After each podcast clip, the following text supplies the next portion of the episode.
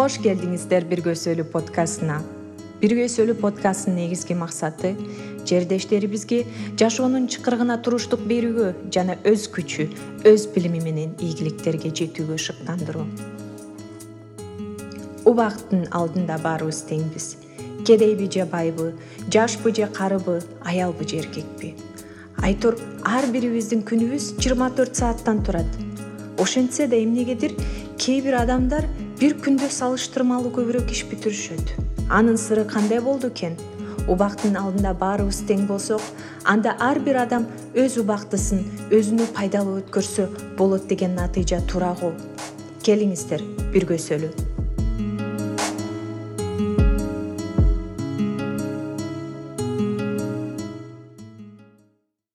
эгер ойлонуп келсек убакыт деген эмне? деген суроого кантип жооп берет элек? Убакыт деген бул жашоодогу эң маанилүү нерсе эң маанилүү бирдик анткени биздин жашообуз убакыттан турат ошол убакытты кантип туура пайдаланышыбыз керек? Жана ошого кандай аспаптарды колдонсок болот? Деп алия экөөбүз бүгүн маек курмакчыбыз. Убакытты кантип туура пайдаланабыз бул нерсени түшүнүп ишке ашырсак баарыбыз өз максатыбызга жана бактыбызга карай чоң кадам жасайт элек жана ошого чоң шарт түзөт элек. Баарыбыздын эле карап көрсөк күнүбүз жыйырма төрт сааттан турат.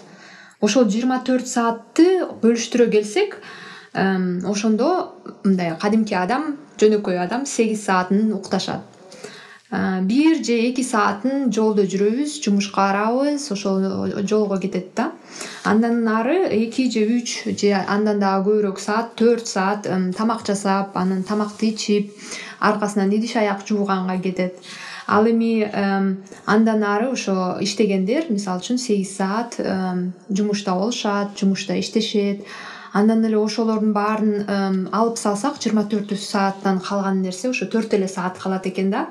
Анан ошол төрт саатыбыз кайсы нерселерге кетет? Кээ бирлерибиз отуруп телевизор көрөбүз же болбосо фейсбукто отурабыз инстаграмда отурабыз иши кылып башка нерселерди кылабыз. Кээ бирлер балким китеп окушат да. Ошондо карасак чындап эле күнүбүз болсо абдан эле чектелген экен чектелген маселелерге кетет экен чектелген жумуштарга кетет экен. Анан ошентип эле жыйырма төртүбүз саатыбыз ушинтип уктап э, чай ичип тамак ичип жумушка барып анан кийин кечинде эле жатып калабыз. Жатып калып анан кийин кээде ойлонобуз и э, мен бүгүн эмне жумуш бүтүрдүм деп өзүбүздү бир нерсеге жетишпегенсип мындай э, бош болуп жатып калабыз дагы. Ошол ойлор менен уктайбыз дагы. Анан эртең менен туруп анан кийин кайра эле ошол окуя башталат да анан ошонун карап көрсөк чындап эле ар бир адамдын мисалы үчүн ийгиликтүү же ийгиликсиз өзү менен э, ыраазы өзү менен ыраазы эмес адамдардын баарыбыздын эле ушу жыйырма төрт саатыбыз бар. Кээ бирлер болсо ошо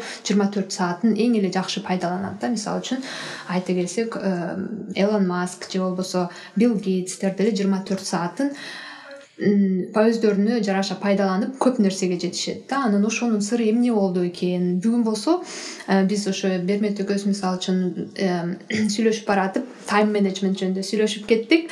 Ошол э, бермет сен дагы ошо тайм менеджментти эң эле жакшы колдоносуң мен билем ушу жумушуңда дагы аябай жакшы колдоносуң ошол жөнүндө айтып бересиңби бизге? Биринчи э, тайм менеджмент деген сөздүн маанисин айтып кетели тайм менеджмент деген англис тилинен э, келип чыккан сөз. Тайм деген убакыт менеджмент деген убакытты башкаруу. Негизи эле э, эгер интернет баракчасынан карасак тайм менеджмент жөнүндө көптөгөн макалалар көптөгөн китептер жазылган. Бирок эми мен э, өзүмдүн методдорумду айтып кетсем болот. Жумушта кандай методдорду колдоном да мен жумушка барганда эң биринчи э, кылчу иштеримдин списогун жазам. Кайсы иштерди бүгүн кылышым керек? Анан ошолорго приоритет берем. Ошо приоритет э, методу бар ошону а б ц деп коет. Мисалы үчүн эң негизги эң күчтүү приоритеттерди а а деп жанына жазып коем. Ошолорду мен ошо бүгүн бүтүрүшүм керек би болсо анча деле маанилүү эмес ц анан дни кылсам болот да. Бирок бүгүн обязательно бүтүрбөшүм керек да алардычы ошол себептен приоритет кылып туруп ошону приоритет кылам андан кийин ошого тайм бокс киргизем. Таймбокс деген да англисчеден келген сөз тайм деген убакыт бокс деген чектөө чектөө болуп калат. Коробка деген сөз бокс бокс деген коробка болуп атпайбы ошону баягы убактыңды бир чекке киргизүү дегенди билдирет да. Ошо мисалы үчүн мен айтам приоритет биринчи приоритетим мисалы үчүн бүгүн бобу жумушту бүтүргөнгө мен үч саат э, таймбокс киргизем депчи. Ошо үч сааттын ичинде э, бүтүргөнгө аракет кылам. Кээде үч сааттан көбүрөөк болуп калат кээде азыраак болуп калат. Бирок эми ошол ошол күндүн баягы цели бүтөт да ошо ошо ошол задача мененчи? Эң туура айтып кеттиң ошо таймбокс деген негизи эле мисалы үчүн ошо элон маск менен жана билл гейтс дагы эң көп э, көп э, колдонушат экен да. Алар деген керек болсо ошо ар бир беш мүнөтүн таймбокс кылып мындай эрежеге салып коет экен да. Анан кийин мен дагы ошону кылып көрдүм жумушумдачы. Анан көп эле учурда албетте жардам берет а бул кээ бир учурда ошондой аябай чоңураак бир көбүрөөк мындай приоритет болгон нерселер ошо келип чыгат дагы анан кийин бүт планың болсо э, ошо эме планың ишке ашырылбай калат да. Анан кийин ошо ошондуктан ошо таймбоксту кантип кармашыбыз керек? Кантип ошого убада берип кантип ошого чындап эле кылышыбыз керек? Мисалы үчүн э, бизде макул жумуштагылар э, жумуштагы жумуштун тизмелери э, чектүү аны кыласың. Ал эми сен ошону дагы өзүңдүн э, жеке жашооңо дагы пайдаланасың бермет. Жеке жашоомо да пайдаланганга аракет кылам. Э, мисалы үчүн эми эки жумадан бери күндө чуркап атам түштө ошону таймбокс кылып киргиздим саат он экиде мен азыр баарыбыз эми хоум офистебиз да анан ошондо э, үйдөн иштеп атабыз да удаленкада иштеп атабыз. Анан ошол себептен мен өзүмө баягы сөз бердим. Он экиден бирге чейинки убакытты түшкү. Ошо жана обед убактында мен өзүмө убакыт бөлөм деп туруп анан ошондо спорт кылам депчи. Анан ошону ошо таймбоксти эки жумадан бери кармап келип атам. Жакшы эле болуп атат менин оюм боюнча. Бирок кээде кармай албай калам да. Мисалы үчүн кечөөнү э, дагы бир китепти окуп баштайын дедим эле. Окуп баштаган жокмун. Фейсбукка кирип кетип ошо ошо таймбоксингди кармай албай койдум да. Бир он беш мүнөт жыйырма мүнөт тиги тияктагы баракчаны карап бияктагы баракчаны карайын десем эки жарым саат отуруп койдум да фейсбуктачы чын айтсам.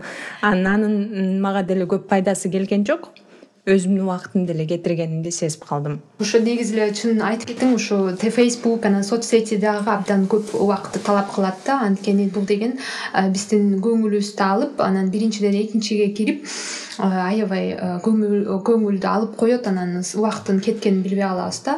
Мен эми бул жерден фейсбук жана соц сети эң жаман деп деген нерсем жок бирок ошону деле чек кылып таймбокс кылсак болот туурабы. Мисалы үчүн көп эле ушу адамдар ийгиликтүү адамдар ошону дагы мисалы үчүн он беш мүнөт же болбосо жыйырма мүнөт деп балким жарым саат болсо деле таймбокс кылып бир убакытын бөлүп коет экен. Анан кийин ошол убакта жанагы фейсбукту карашат же болбосо инстаграмды же болбосо эме новостилерди окушат да жаңылыктардычы муну деле бир эрежеге киргизип койсок болот да. Бирок ошол эле убакта чектелип калып атат. Ошол нерсеге арналган иш убактыбыз чектелип калып атат. Жана башка жака биз кайра көңүл бурсак болот туурабы. Сен дагы айткандай спортко кылып атасың анан э, бул жерде айтыш керек ушу таймбоксинг деген негизи эле приоритетти күчтүү нерселерге иштелинет да. Мисалы үчүн эгер сен приоритетиң болсо английский окуйм деп атасың э английскийди ошо приоритет болсо ошого биз дагы көңүл бурушубуз керек. Анан ошону э, абдан маанилүү болгон үчүн ошо таймбоксингга киргизип айталы сен эртең менен туруп алтыда же жетиде бир саат английский окуйсуң жана ошол сага бир кандайдыр пайданы берген үчүн сен ошого убакыт бөлүшөсүң жана ошону өзүңдү өзүң кыйнап ошол жерде окуп жатасың э? Ошону дагы приоритетке киргизишибиз керек э? Ушул жерден ал эми менде суроо пайда болуп атат да э, биз өзүбүз баягы жумуштарыбызды бүтүрө албай калып эле кээде бүтүрө албай каласың го кээде баягы пландаштырасың таймбокс киргизесиң планыңды да киргизесиң а кээде ар кандай жумуштар чыгып калат анан бүтүрө албай каласың да. Анан ошол убакта мен мисалы үчүн өзүмдү жемелеп баштайм да бүгүн ии бул жумушту кыла албай калдым мен жалкоомунбу деп баягы өзүм өзүм менен негативдик э, неме диалог башталат да. Анан ошол себептен менин суроом мындай болуп атат да. Ошону кантип жоюшубуз керек? Эгер ошол жумушту кыла албай калсак кандай аспаптар бар? Жана ошону кантип жоюшубуз керек да? Баягы өзүңдү өзүң жемелебей жакшы кийинки күнгө киришүү үчүн ушул жерден эң туура нерсени айтып кеттиң бермет чындап эле ар бир адамыбыз ушундай негизи эле өзүм өнүгөм өзүм өсөм деген адамдар ушундай э, суроолорду өзүнө беришет да. Анан өздөрүн жеңилдей башташат жана өзүн бир эрежеге коюп алып ошол эрежени кыла албай калса өзүңдү өзүң мындай э, өзүңө күмөн санап жана ошо өзүңдү э, жаман сезе баштайсың да. Мен ушул жерден айтып кетет элем андай кылбагыла анткени бул деген ойлор бизди өзүбүздү эле алсыз кылып атат да. Бул биз өзүбүздү эле жемелеп өзүбүздү эле алсыз кылып атабыз андан көрүүчү ошону сурагыла жөн эле анализ кылышыбыз керек да. Кайсы жерден ката кетти же болбосо кайсы жерге мен көбүрөөк убакыт бөлүп койдум анын үстүнө дагы кайсы жерге көбүрөөк көңүл бөлүп койдум деп. Э, анан кийин өзүбүздү сурашыбыз керек. Келечекте эмне кылабыз? Келечекте мен ушул жерден кантип э, ушундай окшош эле проблемалар келет эртеңки күнү ошону ойлоп эле мен мындай кылып чечем деп айтышыбыз керек да. Мисалы үчүн отуруп калдык фейсбукта жана ошол убакыт бат эле өтүп кетти. Ал э, фейсбукта отурган негизи себеби мисалы үчүн бир сообщение келип калды дейли э. Сообщенияны негизи эле ошол сообщениенин функцияны өчүрүп койсо болот да. Негизи эч кандай нерсе батыраак ар бир кадимкидей эле сенин көңүлүңдү талап кылбайт да. Мисалы үчүн бир сообщение келет сен ошого көңүлүңдү бурасың э, ошол эле учурда да. Андан көркүнчү ошол сообщенияларды өчүрүп анан ошол бир убакытты э, тандап ошол сообщениялардын баарын бир окусаң башы жакшы го э мисалы үчүн фейсбуктан же ватсаптан сообщениялар келет аларды э, мен саат алтыда жооп берем деп койсоң эч кандай эч нерсе болбойт эч кандай нерсе сенин көңүлүңдү азыр талап кылбайт аны деген сен кийинкиге э, мындай тейлеп койсоң болот да. Анан ошонун үстүндө иштешибиз керек да биз өсүп атабыз күнүгө өсүп атабыз күнүгө бир нерсени үйрөнүп атабыз ошондуктан эч кандай өзүңөрдү жемелебегиле ушундай жаңы жолдорун үйрөнүп көңүлдү кандай бөлүшүү керек жана убакытты кандай бөлүш керек ошолорду үйрөнүп анын астында иштешибиз керек да. Анын астында иштеш үчүн биз күчтүү болушубуз керек. Ошондуктан жемелеген эч кандай пайдасы жок да. Эми ушул аспаптарды айтып кеттик. Бермет э биринчиден сен айтып кеттиң таймбоксинг убакытты бөлүш үчүн. Андан кийин айтып кеттик фейсбук жана жана инстаграмдарды таймбоксинг кылсак болот анын үстүнө дагы ошо сообщенияларды э, өчүрүп койсок болот. Дагы бир аспап менден э, кечинде мисалы үчүн сен айтып кеттиң ошо приоритеттерди э приоритетти кандай кылабыз тизмеге киргизебиз деп эң сонун нерсе анын үстүндө дагы ошол тизмени кечинде кылсаңар эң сонун да. Мисалы үчүн э, эртең менен кылбай кечинде жатаарда ошо тизмеңерди алып алып ошонун арасынан негизи эле ойлонушубуз керек. Биз ар бирибиз биз өзүбүздүн убактыбыз чектүү ал эми жумуштар чексиз. Туура. Ошондуктан ошону туура пайдаланып айтышыбыз керек. Кечинде айтышыбыз керек мына бир эки ушул э, эки маселени мен эртең иштеп бүтүрсөм мен өзүмдү бактылуу жана жетиштүү сезинем деп ушундай бир приоритетибизди коюп алышыбыз керек да. Анан эртеси күнү ошого фокус кылышыбыз керек